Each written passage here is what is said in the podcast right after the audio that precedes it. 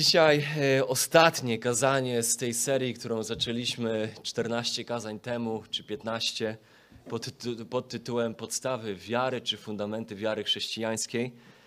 Wiele dzisiaj materiału, musimy go omówić. Ja muszę być związany swoimi notatkami, bo jeżeli będę odbiegał od swoich notatek, to będziemy tutaj siedzieć półtorej godziny.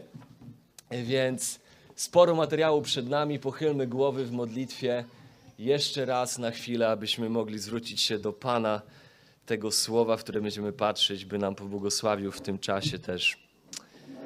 Boże, jak dobrze było śpiewać o tym, że to w Tobie jest nasze zbawienie, to Ty jesteś tym, który jest naszą nadzieją, to Ty jesteś tym, którego miłość zapewnia trwałość naszego zbawienia, ponieważ to Ty jesteś tym, który zachowuje swoje dzieci do końca. Ty rozpoczynasz dobre dzieło w tych, których zbawiasz, prowadzisz je do dnia Jezusa Chrystusa. Ty nie gubisz, nie tracisz żadnej ze swoich owiec. Jak dobrze było o tym wszystkim sobie przypomnieć do tego momentu, a też i teraz, jak będziemy wpatrywać się w prawdy Twojego słowa. Bądź naszym nauczycielem przez Twoje słowo, abyśmy jako Boży ludzie byli do wszelkiego dobrego dzieła przygotowani. Dla Twojej chwały, dla budowania Kościoła i dla świadectwa Ewangelii tego, kim jesteś, dla tych, którzy jeszcze z Tobą się nie pojednali i wciąż są w swoich grzechach i gdyby dzisiaj mieli spotkać się z Tobą, byliby zgubieni na wieki. Niech Twoja Ewangelia dotyka ich serc i niech dzisiaj nawet dokonuje się zbawienie tych, którzy są zgubieni. Amen. Pierwszy list Pawła do Koryntian, rozdział 12, wersety 27 do 31. Jest to kolejne kazanie, bardziej tematyczne, więc będziemy po wielu fragmentach dzisiaj skakać. A od przyszłej niedzieli już wrócimy do takiej normalnej diety naszego kościoła, kiedy to będziemy wpatrywać się systematycznie, sekwencyjnie w jakieś fragmenty pisma, ale dzisiaj jeszcze tematycznie. 1 Koryntian 12, 27 do 31. Wy zaś jesteście ciałem Chrystusowym, a z osobna członkami. A Bóg ustanowił w Kościele najpierw apostołów, powtórę proroków, po trzeci nauczycieli, następnie moc czynienia cudów, potem dary uzdrawiania, niesienia pomocy, kierowania, różne języki.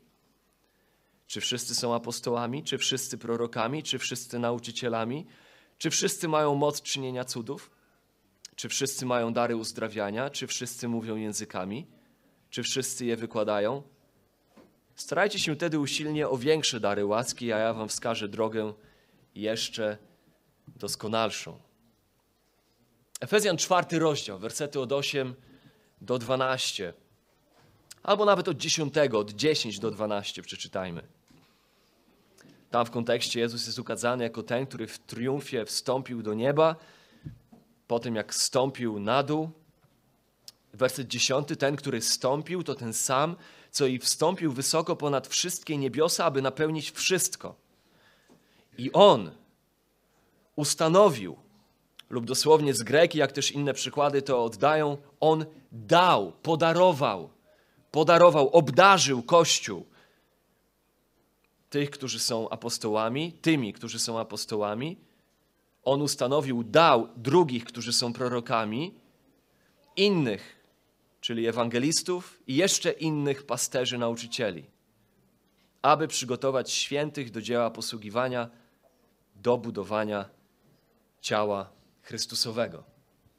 Oczywiście nie powinniśmy mieć żadnych wątpliwości co do tego, że Jezus jest Panem, że wszystko jest poddane pod Jego władzę, On jest królem, On zasiada po prawicy Bożej i On w swojej władzy buduje swój Kościół, jest Jego głową, i on swoim duchem włącza do tego kościoła tych, których zbawia, a następnie każdemu rozdaje dary według swojego upodobania dla budowania tegoż to kościoła, który jest jego ciałem.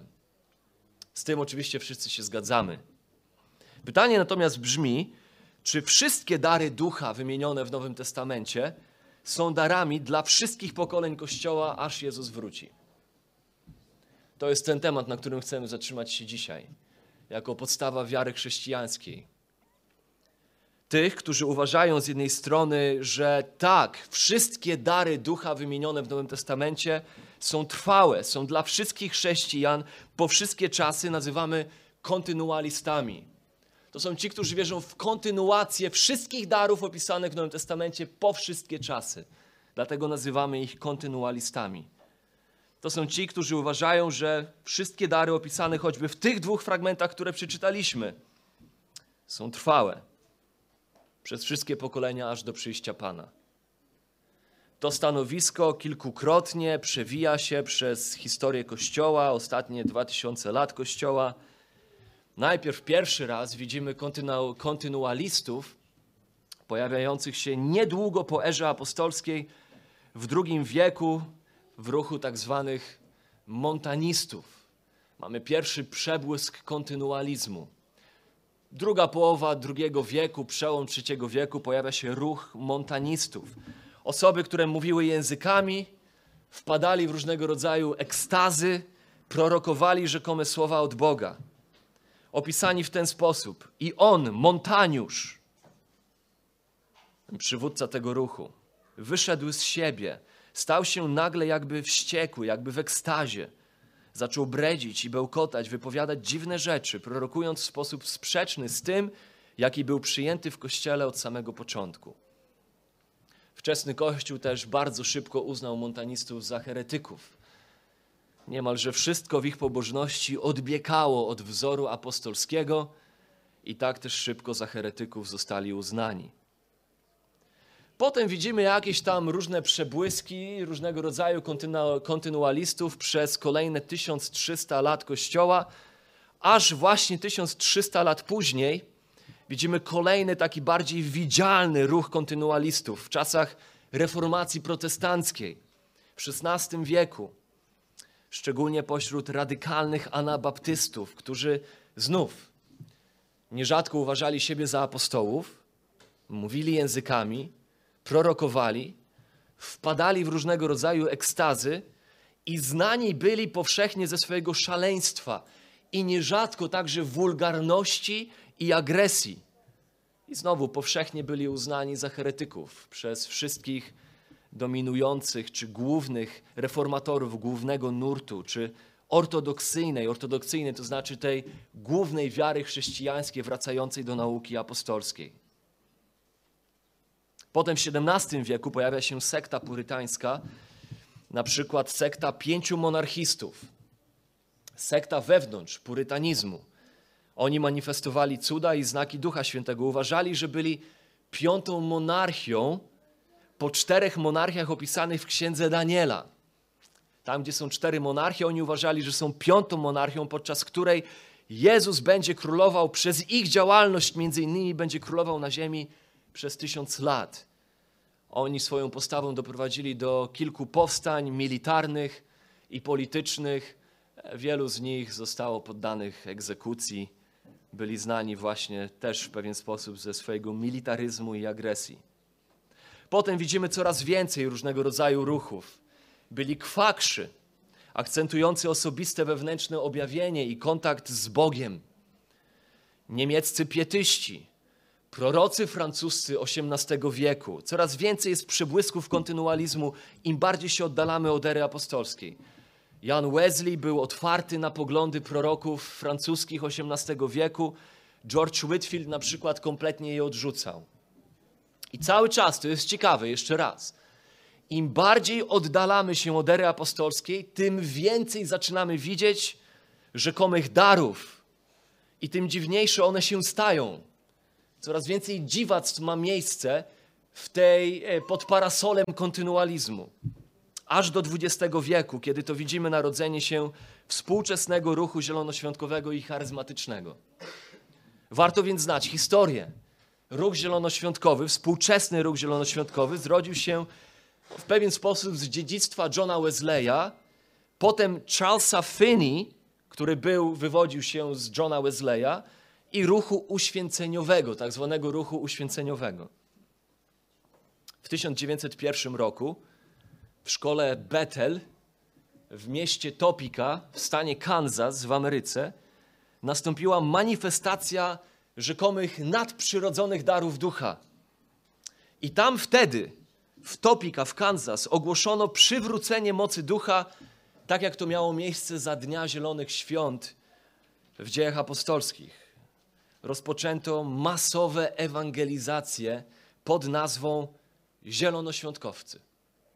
I od 1905 roku, czy do 1905 roku, było już 25 tysięcy nawróconych zielonoświątkowców w samym Teksasie. Nawróconych w sensie nawróconych na kontynualizm pod postacią zielonoświątkowych manifestacji nadprzyrodzonych darów ducha. Ruch zielonoświątkowy szybko rozprzestrzenił się na inne regiony Ameryki, jak na przykład Los Angeles, gdzie nastąpiło bardzo duże przebudzenie na ulicy Azusa. Bardzo znane wydarzenie w kontekście współczesnego ruchu zielonoświątkowego. Ulica Azusa w Los Angeles stała się swego rodzaju mekką dla pielgrzymów z całego świata, którzy szukali doznań nadprzyrodzonych postaci znaków i cudów. A tamten czas właśnie uznaje się za początek współczesnego ruchu zielonoświątkowego. To, co byśmy nazwali pierwszą falą ruchu zielonoświątkowego. 50 lat później, mniej więcej połowa XX wieku, miała miejsce kolejna, tak zwana druga fala rozwoju współczesnego ruchu kontynualistów, tym razem zwana ruchem charyzmatycznym.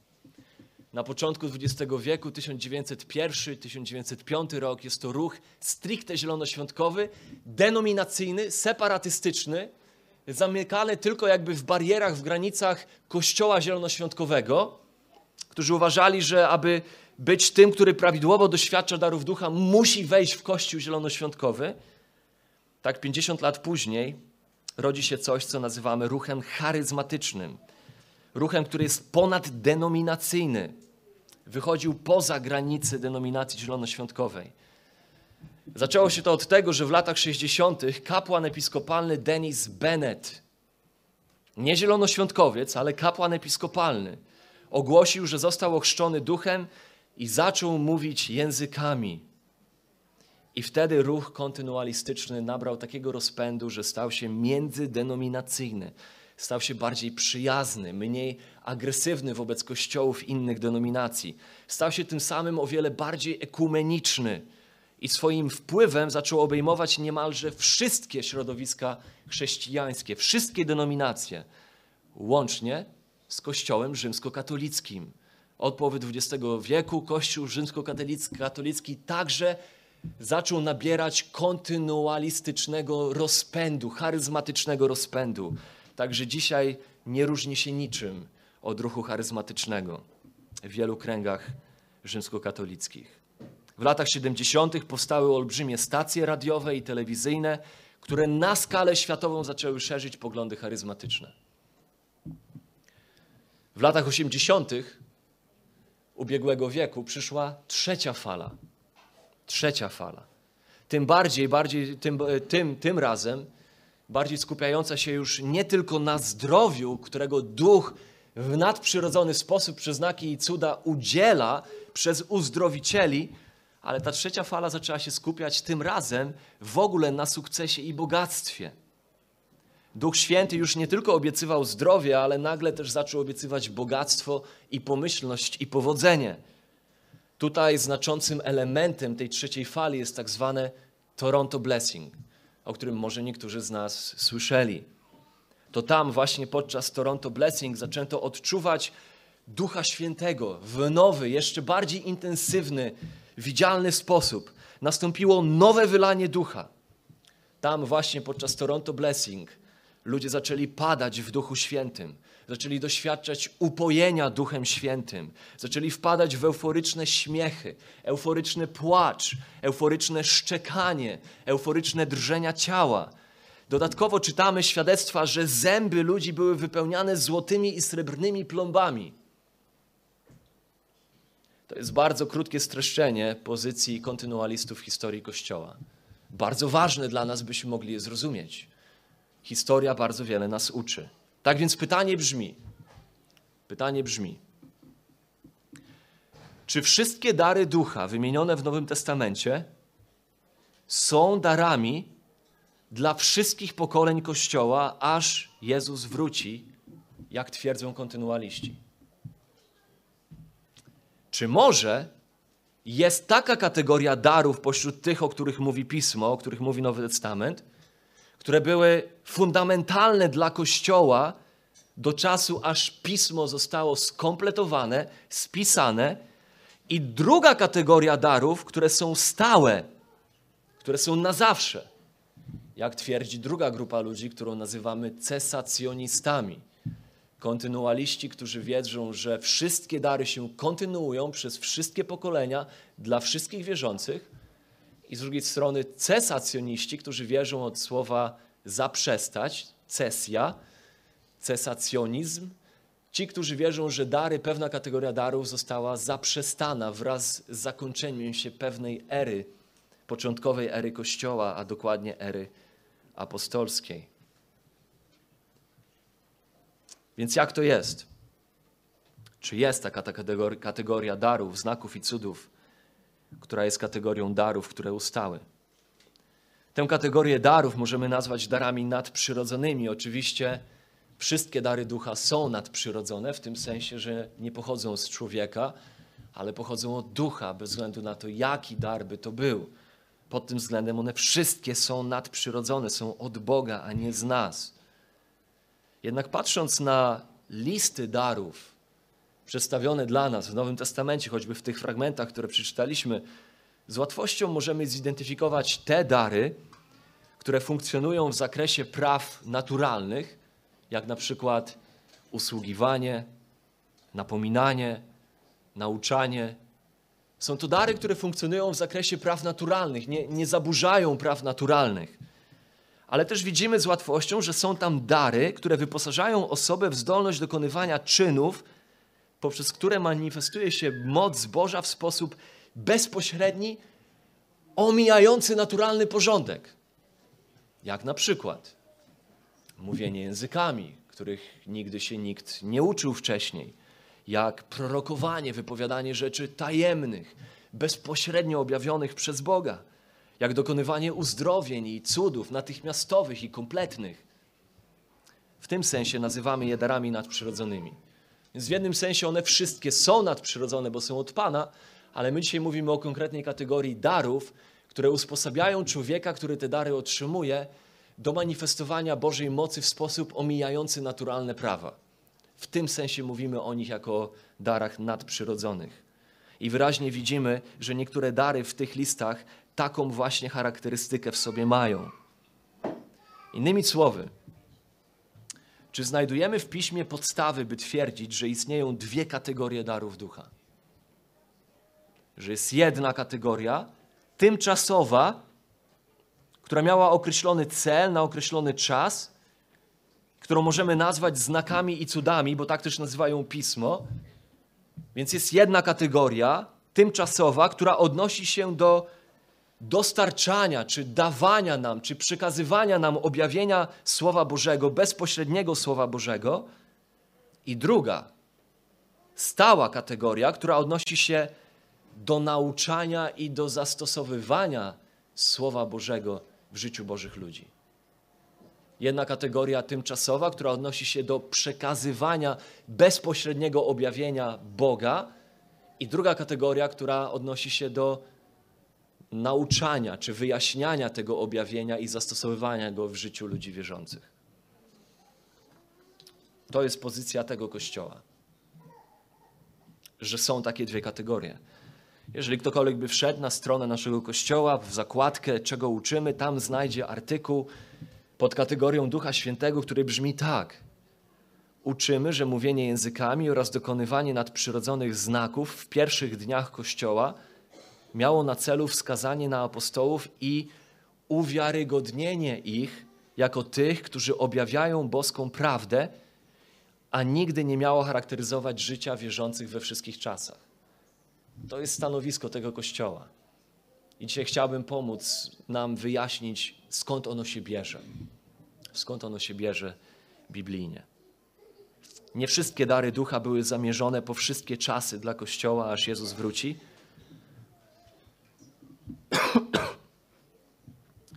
Uważamy, że nie ma pośród nas apostołów i proroków. Nie ma pośród nas nowych objawień. Nie usłyszymy w tym kościele słów wiedzy, mowy wiedzy, poza spisanym Słowem Bożym w piśmie. Nie usłyszycie tutaj w tym kościele mówienia językami na nabożeństwach ani na żadnych innych spotkaniach. Są chorzy pośród nas, a my nie mamy uzdrowicieli, którzy by kładli na nich ręce i natychmiast ich uzdrawiali. Oczywiście modlimy się o uzdrowienia, wierzymy, że Bóg dokonuje cudów, natomiast nie wierzymy, że dary nadprzyrodzone funkcjonują dzisiaj tak, jak funkcjonowały w erze apostolskiej. Pewne dary były zamierzone na zawsze, inne dary były zamierzone na konkretny czas, w konkretnym celu, dla konkretnych osób. Zobaczymy, że pewne dary możemy nazwać w pewnym sensie materiałem konstrukcyjnym fundamentów Kościoła, a inne dary materiałem konstrukcyjnym budowli, która na fundamencie powstaje. Więc pięć prawd. Pięć prawd, które mam nadzieję pomogą nam zrozumieć, dlaczego naszym stanowiskiem jest to, że pewne dary nie były dla Kościoła i dla wszystkich wierzących na zawsze. Po pierwsze, po pierwsze, niektóre z tych pięciu prawd będą odpowiedzią na wątpliwości drugiej strony, kontynualistów, niektóre będą bezpośrednim stwierdzeniem pewnych powodów, dlaczego wierzymy tak, a nie inaczej. Pierwsza prawda. Wiara w niezmienność Boga nie wymaga wiary w stałość wszystkich darów ducha. Ok? Wiara w niezmienność Boga nie wymaga wiary w stałość wszystkich darów ducha. Skąd ten punkt? No stąd, że argumentacją kontynualistów jest to, że Bóg jest niezmienny. Bóg jest ten sam wczoraj, dziś i na wieki, a skoro Bóg się nie zmienia, to nie mamy powodów uważać, by cokolwiek w kwestii darów ducha też się zmieniło. Argumentacją kontynualistów jest to, że jeżeli wierzymy, że coś się zmieniło w kwestii darów, to jakbyśmy mówili, że coś się zmieniło w kwestii samego Boga. Więc mówią kontynualiści, przecież mamy do czynienia z tym samym Bogiem dziś, z jakim miał do czynienia pierwszy Kościół, więc powinniśmy oczekiwać, by wszystko, co jest spisane, czy co jest opisane dla nas w dziejach, miało miejsce także i dziś. Otóż niezmienność Boga nie oznacza niezmienności Jego działania. Cecha niezmienności Boga odnosi się do Jego odwiecznych możliwości, a nie do tego, w jaki sposób On w swojej suwerenności decyduje się działać. Bóg jest niezmienny, ale w tym sensie, że wszystko, co jest prawdziwe na Jego temat, pozostaje prawdziwe po wsze czasy w każdym Jego działaniu. Psalm 145, werset 17 na przykład. Sprawiedliwy jest Pan na wszystkich drogach swoich i łaskawy we wszystkich dziełach swoich. Więc niezmienność Boga oznacza, że Bóg pozostaje taki sam, bez względu na sposób, w jaki decyduje się działać, bez względu na okres, w jakim, okres historyczny, w jakim wybiera dany sposób działania.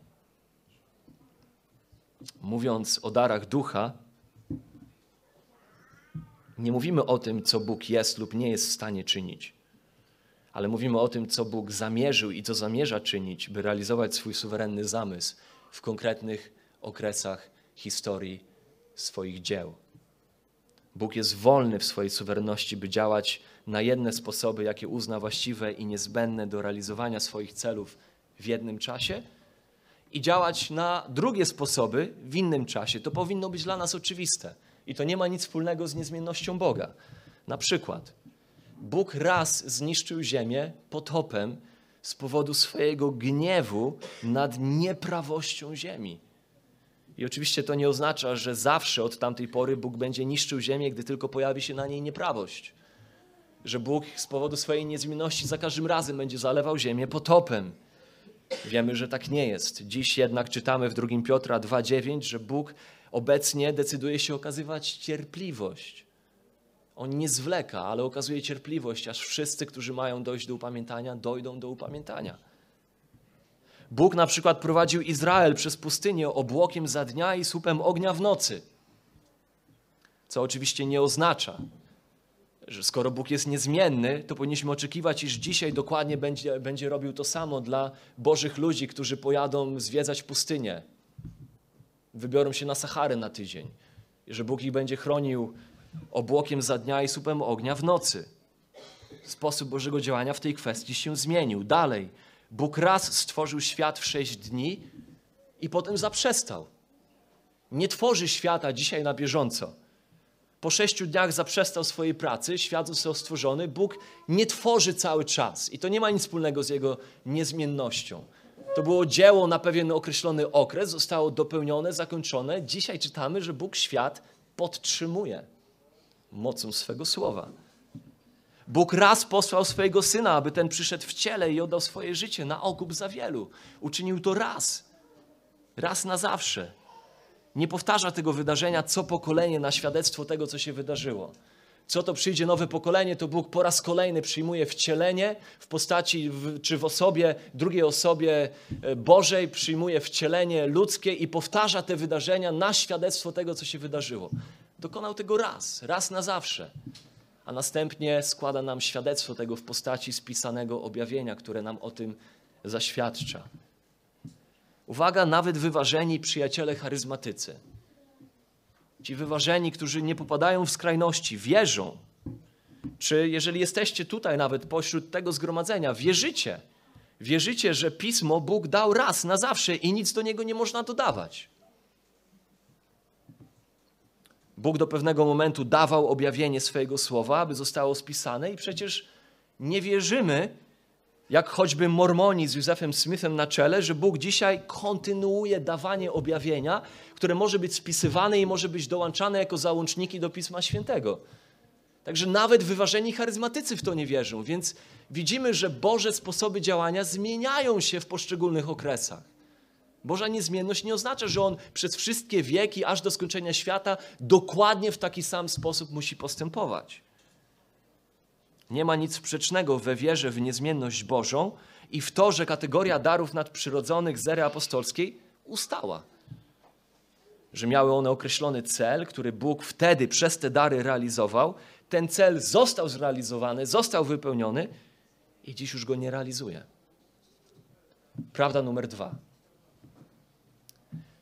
Wiara w użyteczność całego pisma, wiara w użyteczność całego pisma nie oznacza wiary w stałość wszystkich darów ducha. Co mam na myśli? Argumentacja kontynualistów brzmi następująco.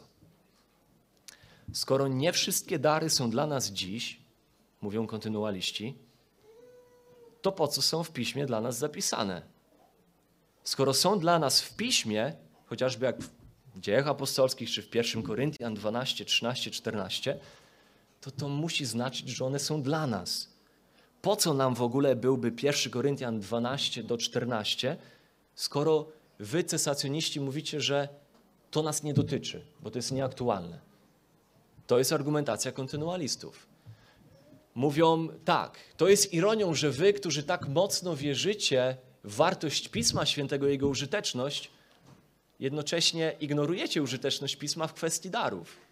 Lekceważycie użyteczność pisma, bo, bo użyteczność pisma świadczyłaby o tym, że to, że coś jest zapisane, to znaczy, że to jest aktualne. Mówi się, że ironią w takim razie jest, że my, którzy taką wagę przykładamy do pisma, traktujemy fragmenty o darach, jakby nie były dla nas. Otóż oczywiście Całe pismo przez Boga jest natchnione i pożyteczne do nauki, do wykrywania błędów, do poprawy, do wychowywania w sprawiedliwości. 2 Tymoteusza 3,16. Jednak użyteczność czy pożyteczność pisma nie jest zależna od tego, czy to, co w nim jest opisane, powinno być reprodukowane czy powielane przez nas dzisiaj. To powinno być dla nas oczywistością. Na przykład system ofiarny Starego Testamentu. Trzecia księga Mojżeszowa. No oczywiście wszyscy się zgodzimy, że to nie jest coś, co ma być powielane przez nas po wszystkie czasy. Jednocześnie wszyscy się zgodzimy, że trzecia księga Mojżeszowa jest pożyteczna dla Bożych ludzi po wszystkie czasy. Mimo, że praktyki w niej opisane nie są powielalne dla Kościoła na wszystkie czasy. Prawda, lekcja zawarta w każdym fragmencie pisma jest pożyteczna zawsze dla wszystkich pokoleń Bożych ludzi, mimo że praktyki ukazane w danych fragmentach pisma wcale nie muszą być aktualne dla nas dzisiaj.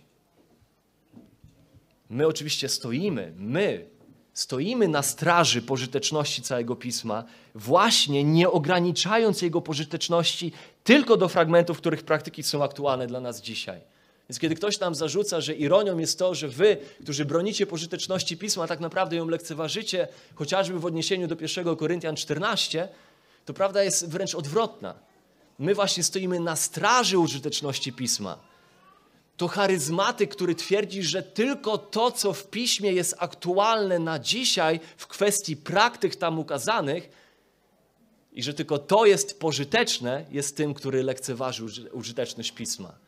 Bo tym samym ogranicza użyteczność pisma tylko do tych fragmentów, które opisują praktyki, o których on może powiedzieć, że one są aktualne na dzisiaj. My uważamy, że wszystkie fragmenty pisma są aktualne na dzisiaj, nawet te, które odnoszą się do praktyk, które dziś aktualne nie są. I tak właśnie odniesienia do apostołów, proroków, znaków i cudów nie muszą oznaczać, że my dziś musimy je praktykować, aby te fragmenty, aby fragmenty je opisujące uznać za pożyteczne i pouczające. Prawda numer trzy. Nadprzyrodzone dary ducha były znakami uwierzytelniającymi nieomylne objawienie od Boga. Nadprzyrodzone dary ducha, zwane znakami czy też cudami, nigdy nie występują przypadkowo w piśmie. To nie jest dokonywanie darów, znaków i cudów dla samego dokonywania znaków i cudów. Cuda i znaki nigdy w piśmie nie były celem samym w sobie. Ich celem było wskazywać na wiarygodność tego, który twierdził, że ogłasza bezpośrednią prawdę od Boga, że przynosi objawienie od Boga. Nadprzyrodzone dzieła, znaki i cuda zawsze w piśmie służyły uwierzytelnieniu tego, który twierdził, że oto ja teraz mówię coś bezpośredniego od Boga. Nawet Stary Testament, 5 Mojżeszowa 34, wersety 10 do 12. 5 Mojżeszowa 34, 10 do 12. Mowa o Mojżeszu. I nie powstał już w Izraelu prorok taki jak Mojżesz, z którym by Pan obcował tak bezpośrednio. Przez wszystkie znaki i cuda, dla których posłał go Pan, aby je czynił w ziemi egipskiej nad Faraonem i wszystkimi jego sługami i całą jego ziemią, i przez wszystkie przejawy mocy i wszystkie wspaniałe i wielkie czyny, jakich Mojżesz dokonał na oczach całego Izraela. W tym fragmencie czytamy, że Mojżesz był największym z proroków w Izraelu, a werset 11 i 12 mówią nam, że potwierdzone to było w znakach i cudach, jakie Bóg pozwolił mu dokonywać. Znaki i cuda związane są z faktem, są związane z faktem, że Mojżesz ukazany jest jako wielki prorok w Izraelu. Dodatkowo, na przykład, Czemu dziś wśród kontynualistów nie ma chętnych do rozdzielania mórz? Pierwsza Królewska 17:24. Tam widzimy opis Eliasza, który wskrzesił syna wdowy. Wtedy rzekła kobieta do Eliasza po wskrzeszeniu, po dokonaniu się tego cudu: Teraz poznałam, widząc ten cud, znak, że jesteś mężem Bożym i słowo Pana, słowo Pana naprawdę jest w ustach Twoich widzimy, że to cud, którego dokonał Eliasz, był tym, co uwierzytelnił Eliasza w oczach wdowy jako proroka Bożego, który otrzymuje bezpośrednie objawienie od Boga. Pierwsza Królewska 18:36. Tam mamy historię Eliasza na górze Karmel, który stawia czoła prorokom Baala. A gdy nadeszła pora składania ofiary z pokarmów, prorok Eliasz przystąpił i rzekł: Panie, Boże Abrahama, Izaaka, Izraela. Niech się dziś okaże, że Ty jesteś Bogiem w Izraelu, a ja Twoim sługą. Niech się okaże, że ja jestem Twoim sługą i że według Twego słowa uczyniłem to wszystko. Że ja jestem Twoim prorokiem i że to, co ja czynię, czynię według Twojego słowa. Eliasz modlił się, by Bóg poprzez dokonanie cudów w tamtym miejscu, na górze Karmel, uwierzytelnił go w oczach ludu jako proroka Bożego, tego, który otrzymywał bezpośrednie objawienie od Boga. Znowu, czemu dziś wśród kontynualistów nie ma na przykład chętnych do zsyłania ognia z nieba? Dalej widzimy służbę Jezusa. Jezus z kolei był nie tylko posłańcem Bożym, jak Mojżesz, czy Eliasz, czy Elizeusz, który mówił, tak mówi Pan. Jezus był Słowem Bożym, jest Słowem Bożym, jest odwiecznym Logos. Dlatego kiedy Jezus mówił, mówił, zaprawdę, zaprawdę, ja powiadam wam. Ponieważ On mówił nie jako ktoś, kto otrzymał boski autorytet, ale jako ktoś, kto jest boskim autorytetem. A wszystkie Jego słowa są słowami Boga. I żadne cuda Jezusa i znaki Jezusa nie były przypadkowe. On nie uzdrawia wszystkich i nie uzdrawia wszędzie. Każdy cud Jezusa ma określone znaczenie. Jezus swoimi cudami, uzdrowieniami pokazuje na przykład, że jest Panem całego stworzenia, że ma moc odwracać przekleństwo, jakie spadło na świat w wyniku grzechu, że oto Jahwe w ciele przyszedł na świat. I widzimy, że On jest tym, który panuje nad siłami natury, kiedy ucisza morze. On jest tym, który panuje nad prawami natury, kiedy chodzi po morzu. On jest tym, który tworzy, kiedy karmi pięciotysięczny tłum. On jest tym, który cofa fizyczne deformacje i choroby, kiedy uzdrawia sparaliżowanych.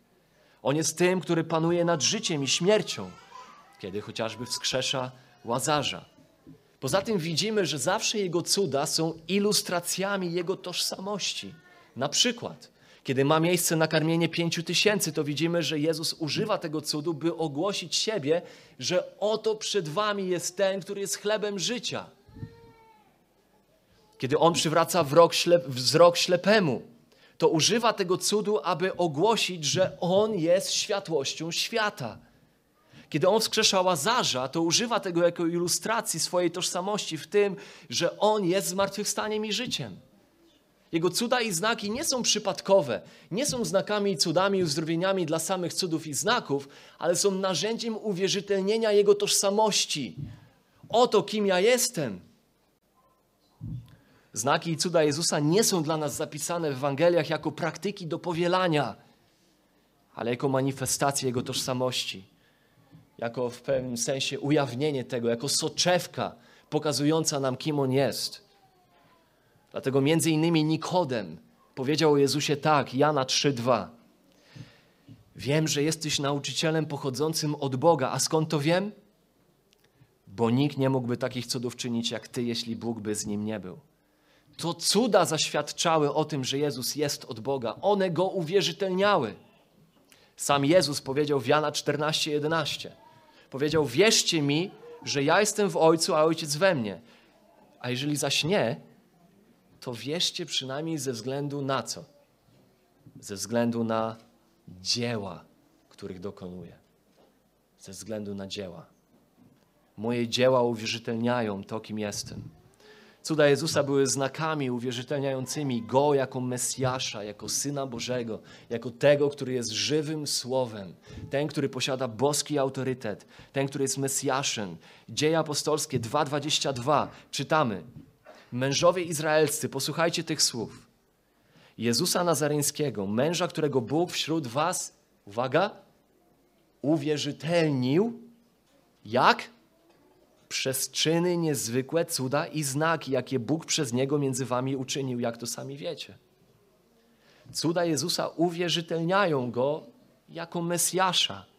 Cuda, jakich dokonuje Jezus, są swego rodzaju właśnie takim obiektywem, który pokazuje nam, kim On jest, są drogowskazami do rozpoznania, kogo mamy słuchać, komu ufać, komu zawierzyć. Tym samym każdy, kto skupia się na znakach i cudach dla samych znaków i cudów, kompletnie rozmija się z ich znaczeniem. Kompletnie. Komu imponują same znaki i cuda, a nie ten, kogo mają go uwierzytelniać, kompletnie rozmija się z istotą znaków i cudów. Co więcej, szukanie znaków i cudów dla samych znaków i cudów jest w istocie aktem niewiary, a nie wiary. Mateusza 16:4. Tam czytamy, że ród zły i cudzołożny domaga się znaku. Łukasza 23:8 podczas rozprawy Jezus pragnął, e, podczas rozprawy Jezusa Herod pragnął ujrzeć jakiś cud.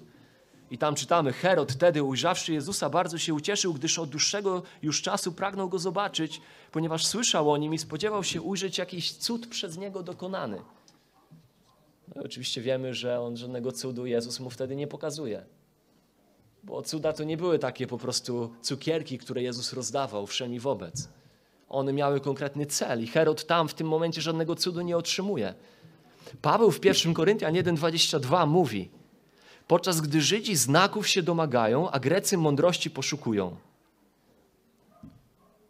Szukanie znaków i cudów, mówi Paweł, jest tak naprawdę oznaką niewiary. Jest cechą niewierzących ludzi. Znaki i cuda nigdy nie miały na celu imponować czy pociągać niewierzących ludzi. One są cechą niewierzących ludzi. To jest ironią, że ci, którzy uważają, czy jakby największy nacisk kładą na wiarę, że im więcej masz wiary, tym więcej cudów i nadprzyrodzonych rzeczy się dzieje w Twoim życiu, tak naprawdę największą ich cechą jest ich niewiara, ponieważ potrzebują ciągłych, coraz to więcej i ciągłych potwierdzeń ich wiary poprzez znaki i cuda, które muszą się dokonywać wokół nich. Poszukiwanie znaków i cudów jest cechą niewiary, zwątpienia, a nie ufności. Po skrzeszeniu Łazarza wielu arcykapłanów i faryzeuszy uznało, że Jezus dokonał wiele znaków. Czytamy o tym 11:47. Oni uznali, że Jezus dokonuje wielkie rzeczy, a w 53 wersecie czytamy, że tego samego dnia, tego samego dnia, kiedy uznali, że Jezus dokonuje wielkich rzeczy, naradzili się, aby go zabić. Widzieli cuda i tym bardziej go nienawidzili.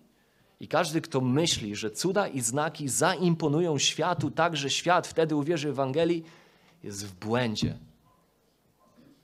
Cuda, znaki, nadprzyrodzone dzieła były znakami wskazującymi na tego, kto ich dokonywał, by uwierzytelnić go jako tego, który ogłasza bezpośrednie objawienie od Boga. I tym samym były korzyścią dla tych, których serca były we właściwym miejscu, którzy poprzez znaki patrzyli na tego, który tych znaków dokonywał, jako tego, który ogłasza prawdę od Boga. Widzimy dalej służbę apostołów. Od razu po Chrystusie apostołowie są tymi, którzy dokonują znaków i cudów. Wszystkie znaki i cuda ery apostolskiej były dokonywane albo bezpośrednio przez apostołów. Dzieje 2:43 dusze wszystkich były ogarnięte bojaźnią, albowiem za sprawą apostołów działo się wiele cudów i znaków. Za sprawą apostołów. Dzieje 5:12 przez ręce apostołów działo się wśród ludu wiele znaków i cudów. Więc albo znaki i cuda działy się bezpośrednio przez apostołów, albo pośrednio przez nich. Innymi słowy, ci, którzy w dziejach doświadczali przejawów nadprzyrodzonej mocy Bożej, w darach Ducha Świętego, nadprzyrodzonych darach, doświadczali tego pośrednio przez apostołów, albo w ich obecności, albo poprzez ich nałożenie rąk. I tak na przykład Filip i Szczepan, diakoni wybrani w dziejach apostolskich 6:6, czytamy w ósmym rozdziale, że Filip dokonuje cudów. Szczepan jest opisany jako ten, który dokonywał cudów. Ale oni są tymi, na których apostołowie nałożyli ręce w dziejach 6:6. Ciekawostką jest to, że Filip, mimo że sam otrzymał dar czynienia cudów od apostołów, sam już nie był w stanie tej mocy udzielać innym. Nie był pośrednikiem mocy czynienia cudów dla innych. Nawet kiedy dotarł do Samarytan i głosił im słowo i nie się nawrócili, tam się żaden cud nie wydarzył, dopóty, dopóki nie przyszedł kto? Apostoł. I dopiero pośród Samarytan, na których stąpił Duch Święty i otrzymali Jego dary, to dopiero to miało miejsce, kiedy włożone były na nich też ręce apostolskie.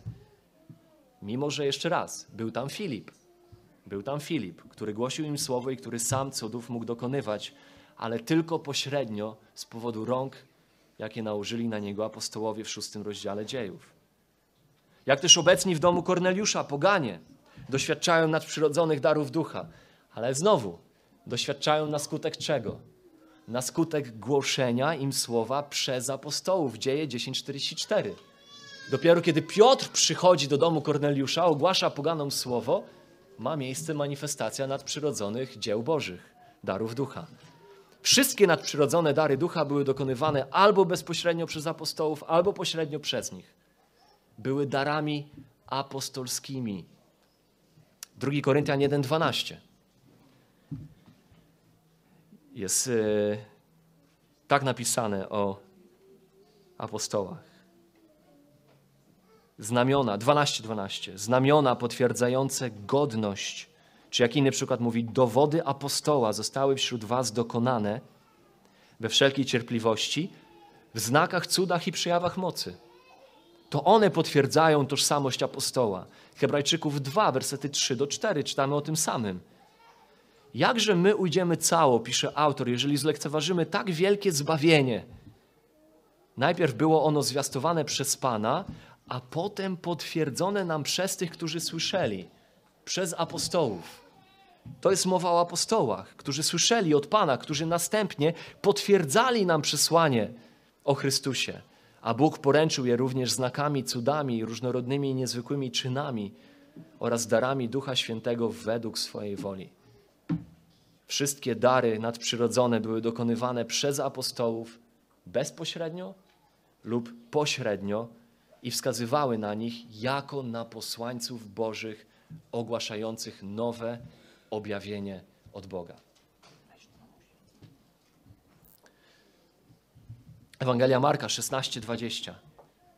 Oni zaś poszli i wszędzie zwiastowali, a Pan im pomagał i potwierdzał ich słowo znakami, które mu towarzyszyły. Jeżeli byśmy cofnęli się kilka wersetów w Ewangelii Marka 16, zobaczylibyśmy, że jest mowa o jedenastu, z którymi spotkał się Jezus aby potwierdzał ich słowo znakami, które mu towarzyszyły. Znaki i cuda, nadprzyrodzone dary ducha miały potwierdzać ich apostolstwo. Więc Bożym nadrzędnym celem nadprzyrodzonych darów ducha, znaków i cudów, których możliwość czynienia udzielał na określony czas określonym ludziom, jeszcze raz, było uwierzytelnianie tego, że zarówno oni jako posłańcy, jak i przesłanie, które nieśli, było zaprawdę objawieniem prawdy Bożej. Takie działanie Boga nigdy nie było normą Bożego działania dla wszystkich ludzi we wszystkich czasach. Nigdy. Ciekawostka w ogóle, jeżeli przyjrzymy się na historię Biblii, to widzimy, że tylko w trzech okresach Bóg działa przez znaki i cuda, gdzie obdarowuje swoich ludzi możliwościami, darami do dokonywania znaków i cudów. Widzimy to w służbie Mojżesza i Jozułego, jeden po drugim występuje Mojżesz i Jozue. Jest to mniej więcej okres 60 y, lat. Potem widzimy to w służbie Eliasza i Elizeusza. Mniej więcej 40 lat. I potem dopiero widzimy to w służbie Jezusa i apostołów. Znowu mniej więcej 60 lat. A pomiędzy służbą Mojżesza i Jozułego, Eliasza i Elizeusza, apostołów i Jezusa, występują przerwy. Typowym działaniem Bożym nie jest obdarowywanie swoich ludzi do dokonywania znaków i cudów. Tylko za każdym razem, kiedy następuje jakiś przełom w objawieniu przez Boga tego, co ma być kolejnym etapem w życiu Bożych ludzi, pojawiają się ci, którzy jako prorocy Boży są uwierzytelniani przez znaki i cuda do tego, by ci, którzy ich słuchają, wiedzieli, że słuchają tych, którzy faktycznie od Boga przyszli, aby Boże prawdy ogłaszać. Cztery. Prawda numer cztery. Nadprzyrodzone dary ducha uwierzytelniały Boże objawienie wtedy, kiedy było ono dane. Nadprzyrodzone dary ducha uwierzytelniały Boże objawienie wtedy, kiedy było ono dawane, na moment, w którym ono było dawane. Znaki, które towarzyszyły dawanemu przez Boga objawieniu, są wystarczające na wszystkie czasy. Jana 20, wersety 30 do 33. I wiele innych cudów uczynił Jezus wobec uczniów, które nawet nie są spisane w tej księdze. Te zaś są spisane, abyście wierzyli, że Jezus jest Chrystusem, Synem Boga i abyście wierząc mieli żywot w imieniu Jego. Widzimy, że cuda, których dokonał za życia Jezus, są wystarczające, aby uwierzytelnić Go jako Syna Bożego raz na zawsze. O tym mówi Jan w swojej Ewangelii. Nie potrzeba nam dzisiaj dodatkowych cudów, które mają nam na nowo uwierzytelniać Jezusa. Te, które są zarejestrowane w księdze, są wystarczające, mimo że nawet wszystkie nie są zarejestrowane spośród tych, których dokonał Jezus. Tak, aby każdy, kto czyta słowa tej księgi, uwierzył, że Jezus jest Panem i Mesjaszem, Synem Boga, aby w Nim znaleźć życie wieczne. Słowo Boże nie mówi, cuda, których dokonujecie w swoich lokalnych kościołach po wszystkie czasy, po wszystkie pokolenia, na spotkaniach przebudzeniowych czy na nabożeństwach, to one pokażą, że Jezus jest Bogiem. Nie, słowo mówi raczej cuda, których dokonał Jezus i które zostały spisane w tej księdze na świadectwo tego, kim On jest, są wystarczające dla nas, by pokazać nam tożsamość Jezusa. Ktoś może zapytać, ale czyż nie uwierzytelniłoby to naszego przesłania, naszego głoszenia słowa, gdyby cuda i znaki towarzyszyły nam dzisiaj na naszych zgromadzeniach? Czyż to nie uwierzytelniłoby nas? No odpowiedź brzmi nie. Nie. Obecność znaków i cudów, nadprzyrodzonych darów ducha, dzisiaj, gdyby były one obecne, wprowadziłyby tylko zamieszanie, konfuzję, wprowadziłyby pomylenie tego, co jest, uwaga, pomylenie tego, co jest natchnionym, nieomylnym objawieniem od Boga, z tym, co jest jedynie omylnym, niedoskonałym wykładem tego objawienia. Nadprzyrodzone dary ducha, jak czynienie cudów, mówienie prawdziwymi językami, dar uzdrowienia,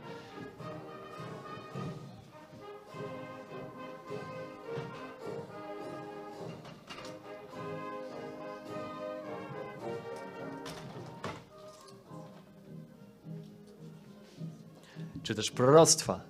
One miały cel na początku Kościoła, by potwierdzić nowe objawienie przez Boga w formie Nowego Testamentu. Tego, co jest słowem Boga na temat tego, czym jest Kościół i jak Kościół ma funkcjonować. Kiedy kaznodzieja staje dzisiaj, by głosić słowo, co jest jego autorytetem? Co jest autorytetem kaznodziei, który dzisiaj w obecnej erze Kościoła staje, żeby głosić słowo? No jego autorytet spoczywa w wiernym studiowaniu, wygłaszaniu i wyjaśnianiu raz na zawsze uwierzytelnionego już Słowa Bożego. W tym spoczywa jego autorytet. Pismo zostało nam dane jako uwierzytelnione cudami i znakami Słowo od Boga. Kiedy kaznodzieja staje, by głosić, to jego autorytet nie spoczywa w dokonywaniu dalszych znaków i cudów, ale spoczywa w jego wiernym nauczaniu i wykładaniu tego, co już zostało uwierzytelnione jako nieomylne i doskonałe Słowo Boga. Więc innymi słowy, gdyby dzisiaj faktycznie, uwaga, gdyby dzisiaj faktycznie ludzie, którzy stają, żeby głosić Słowo, chodzili po wodzie, zmieniali pogodę, narzucone hasło, mówili po chińsku, bez nauki tego języka, wskrzeszali martwych z grobu, to to powodowałoby ogromne zamieszanie, ponieważ potwierdzałoby ich omylną wykładnię nieomylnego słowa z nieomylnym słowem. To nigdy nie było rolą znaków i cudów. Otaczanie naszego nauczania znakami i cudami przypisywałoby nieomylność omylnemu nauczaniu. Znaki i cuda wskazują na objawienie, na bezpośrednie objawienie od Boga. To, czy należy wysłuchać dzisiaj kaznodziei, nie spoczywa w tym, czy on posiada nadprzyrodzone dary ducha, ale w tym, czy jest wiernym studentem i nauczycielem objawionego Słowa Bożego, potwierdzonego, uwierzytelnionego przez znaki i cuda apostolskie. Dlatego widzimy w Nowym Testamencie, że poza jednym wyjątkiem przy Koryntian 12, 13, 14, który wiele mówi na temat nadprzyrodzonych darów ducha, temu fragmentowi byśmy musieli poświęcić odrębny czas, tak naprawdę reszta listów skupia się nie na przynoszeniu objawienia Kościołowi, uwierzytelnionego znakami i cudami, nie skupia się na apostołach i prorokach, jako tych, którzy będą pełnić dalszą rolę w, w dziele budowania Kościoła, ale na kim się skupia? Na starszych Kościoła. Na tych, którzy są nazwani pasterzami, nauczycielami, których głównym zadaniem ma być właściwe wykładanie danego Kościołowi słowa. Na tym skupia się Nowy Testament słowa apostołów i proroków. To jest to słowo, które potem nauczyciele mają wykładać. Nieomylne słowo apostołów i proroków, którego kamieniem węgielnym jest Jezus. Którzy są nazwani fundamentem Kościoła w Efezjan 2:20. Nauka apostołów i proroków to jest ten elementy składowe, konstrukcyjne fundamentu, a potem reszta darów jest elementami składowymi budowli. Apostołowie i prorocy kładli doktrynalny, teologiczny fundament pod Kościół. My nie potrzebujemy dzisiaj potwierdzać Nowego Testamentu lub też Starego Testamentu. Ich słowa zostały już potwierdzone. Duch Święty działa dziś, ale na fundamencie założonym przez apostołów i proroków, a nie przez ciągłe zakładanie nowego fundamentu.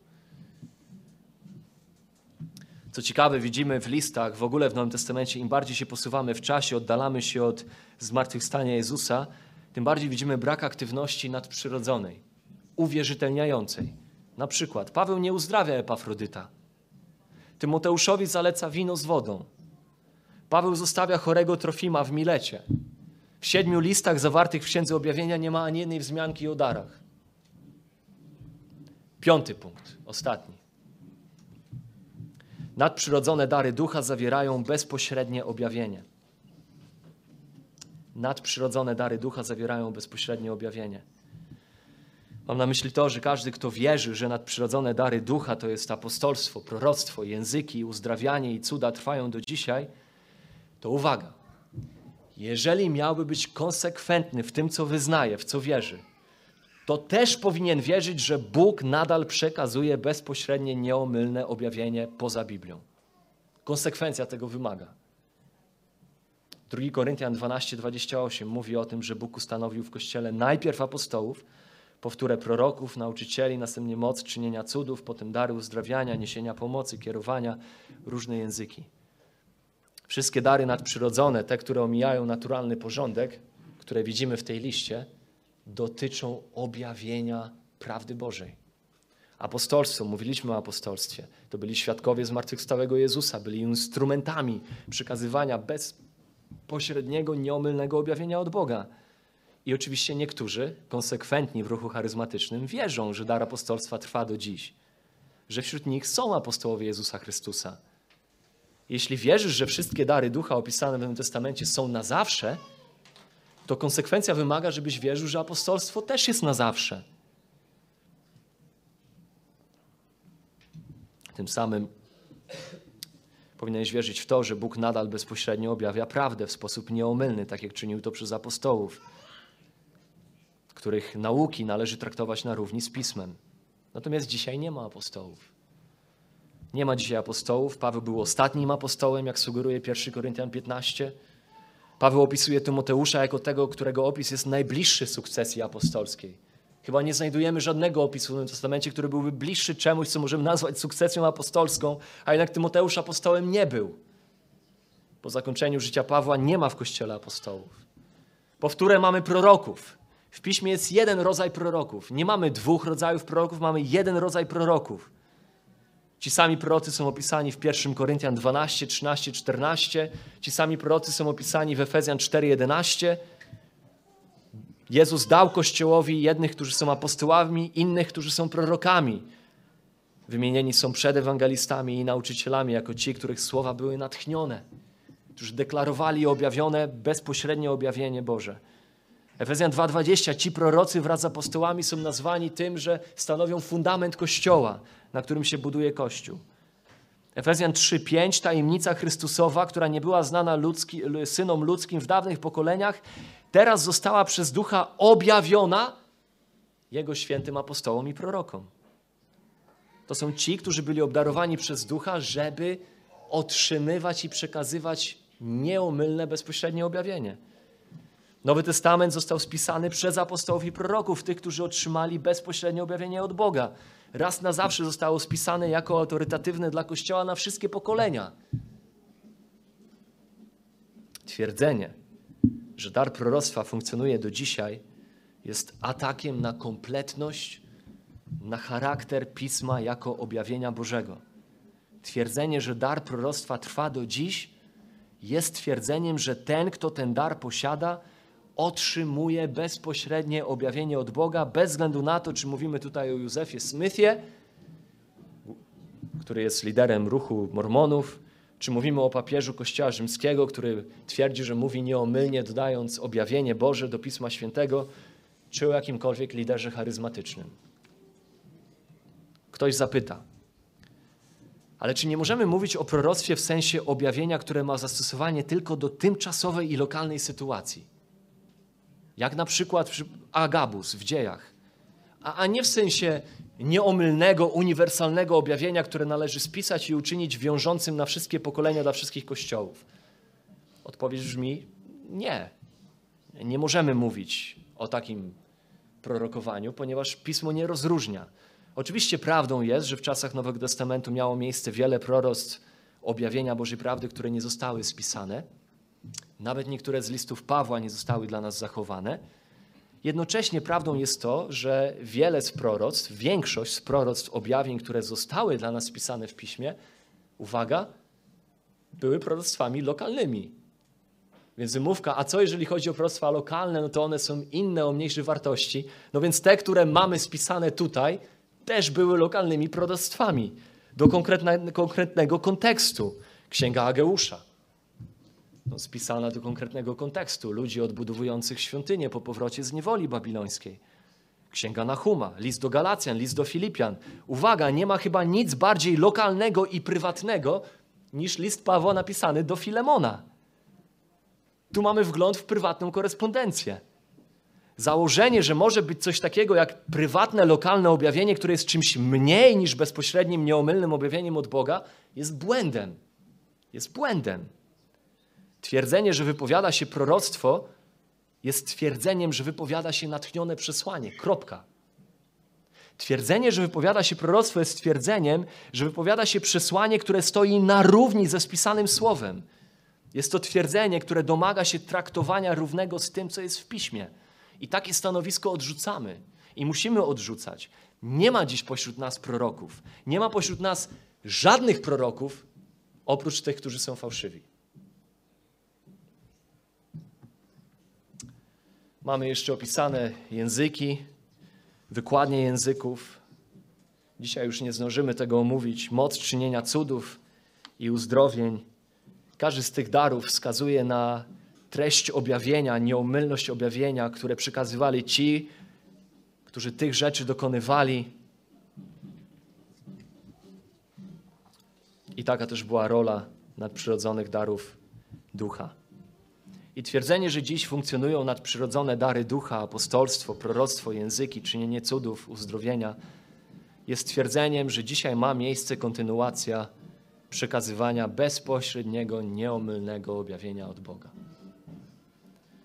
No i to niestety widzimy dzisiaj często. Charyzmatyczni liderzy stają się nierzadko wyroczniami Bożej woli dla życia innych ludzi Chrześcijanie tracą poszanowanie dla spisanego Słowa Bożego w piśmie na rzecz poszukiwania głosu ducha gdzieś tam, ezoterycznie, ekstatycznie, wewnętrznie w swoim sercu.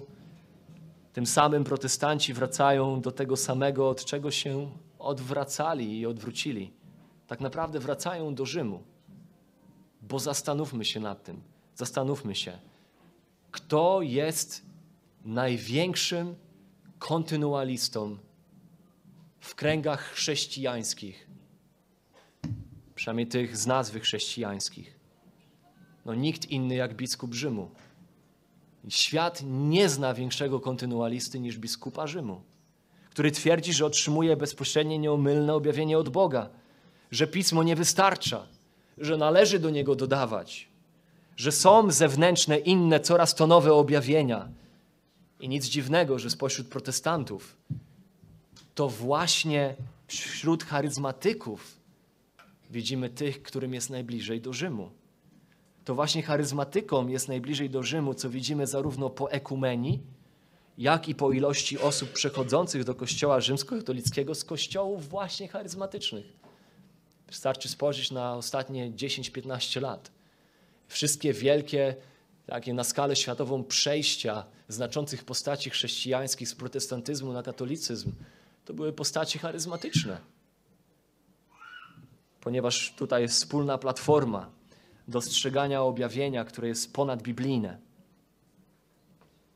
Nieomylne objawienie zostało nam natomiast dane w Słowie, w Piśmie. I zamiast szukać znaków i cudów, szukajmy poznawania prawdy, którą Bóg dał nam w uwierzytelnionym dla nas przez apostołów i proroków Słowie. Aby ono nas uczyło, aby ono wykrywało nasze błędy, aby ono poprawiało nas i wychowywało w sprawiedliwości, abyśmy jako Boży ludzie byli do wszelkiego dobrego dzieła przygotowani. Oczywiście jestem otwarty na pytania, na pewno jest wiele pytań. Wierzcie, że zawsze możecie zadawać te pytania. E, Jesteśmy dostępni jako starsi dla Was, także i w tym czasie, który będziemy mieli i po nabożeństwie, kawy, herbaty i społeczności ze sobą. E, Więc zapraszamy do, do tego, żeby te pytania zadawać, jeżeli takowe są. Powstajmy do ostatniej pieśni.